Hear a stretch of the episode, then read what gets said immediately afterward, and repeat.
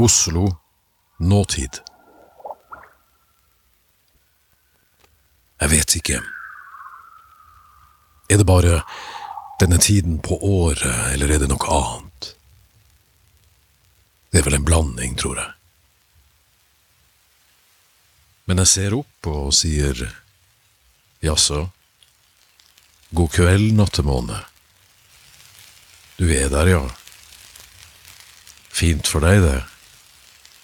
Og fint for meg.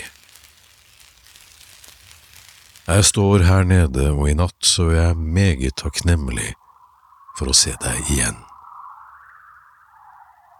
Du er fortsatt halvfull, men jeg er kjørbar, så jeg kan gi deg skyss hjem dersom det blir sent og Karlsvogna har kjørt siste runde for natta.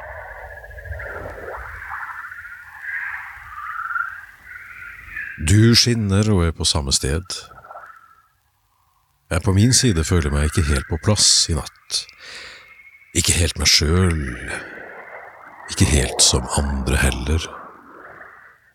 Ikke helt som jeg skal være, og for så vidt ikke som jeg var. Derfor, i natt, vil jeg være en annen. Jeg vil være en galant antrukket privatsjåfør som stiger ut, og åpner døra for deg, Måne. Du kjære måne på synkende fase og stigende rus, når du har fått nok og vil ut av bane for natta. God aften, kjør meg hjem, skulle du sagt, og børsta av deg nattlig snø fra ryggen over stillhetens hav. God aften, milde måne. Samme adresse som sist, skulle jeg spurt. Jepp, jepp, under horisonten, skulle du svart. Ja, du er litt full i kveld, skulle jeg spurt. Gitt gass over lyskrysset midt i Melkeveien og smilt mot bakspeilet.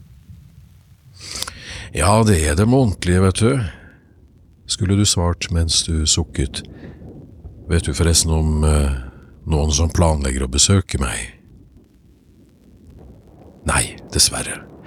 Nå er det mars som gjelder, skulle jeg svart. Det begynner å bli lenge siden sist, skulle du fortsatt bedrøvet. Ja, når var det egentlig igjen, du? skulle jeg spurt og stansa med vikeplikt for Hallis komet. Ja, det var um, La meg nå se Jo, Harrison Schmidt i 1972, skulle du sagt og spytta en månestein ut av vinduet. Ah, akkurat Apollo 17 med kaptein Eugene Cernan, skulle jeg spurt.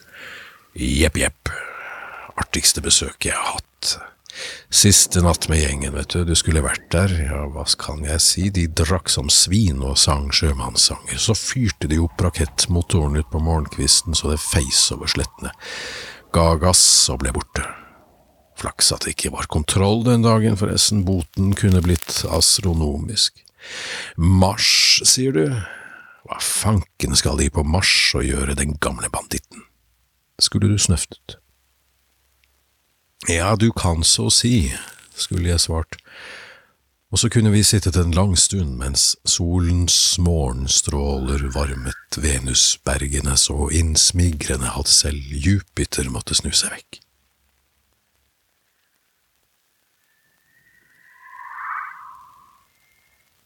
Vil du eh, høre noe sladder? skulle du flirt etter en stund. Kom igjen, skulle jeg svart karslig. Du, mm, jeg så stjerner i natt. Jomfruen blant andre, dægger'n dundre, hun har tatt av seg noen kilo, du. De sier at hun er påpasselig med mm, vekten, og at de ofte kler seg i Orions belte. Ja, den skjønte jeg, skulle jeg humret, ja, du måne, du måne. Et skydekke trekker hastig over deg, og en gråt trekker hastig gjennom meg. Jeg pusser nesen mens seks stjerneskudd suser samstemt og sier Se deg for deg, mann! Og jeg letter på sjåførlua gestikulerer et unnskyld til de unge frøknene, de tripper verdensromvant over, krysser himmelhvelvingen og brenner opp i samme sekund. I motsatt retning flyr en due der oppe i himmelrommet. Den har festa en beskjed til foten. Jeg ser det helt tydelig når den hviler seg mot Cassiopeias østre skulder noen korte sekunder. Den vrir hodet, letter, og den eh, tar kursen mot Andromeda-tåken. Jeg tenker, nei, vær så snill, ikke dit.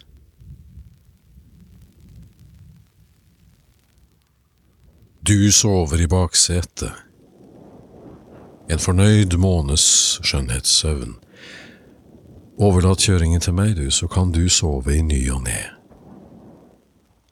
I dine baner blir det aldri blå mandag. Du stiger bare opp igjen noen timer seinere med lav profil, og dypper deg i svalende verdenshav. Og når solen blinker med lyset bak Sirus skyer som takk for dagen, da er du igjen på høyden. Og våknet du og spurte hvorfor jeg, din mest betrodde sjåfør, satt i melankoli. Da kunne jeg sagt, jeg blir visst sentimental ved fullmånetid. Skjønner, kamerat, skulle du sagt. Ikke noe å tenke på. Og begge skulle vi visst at det ikke var nødvendig å si noe mer på en god stund.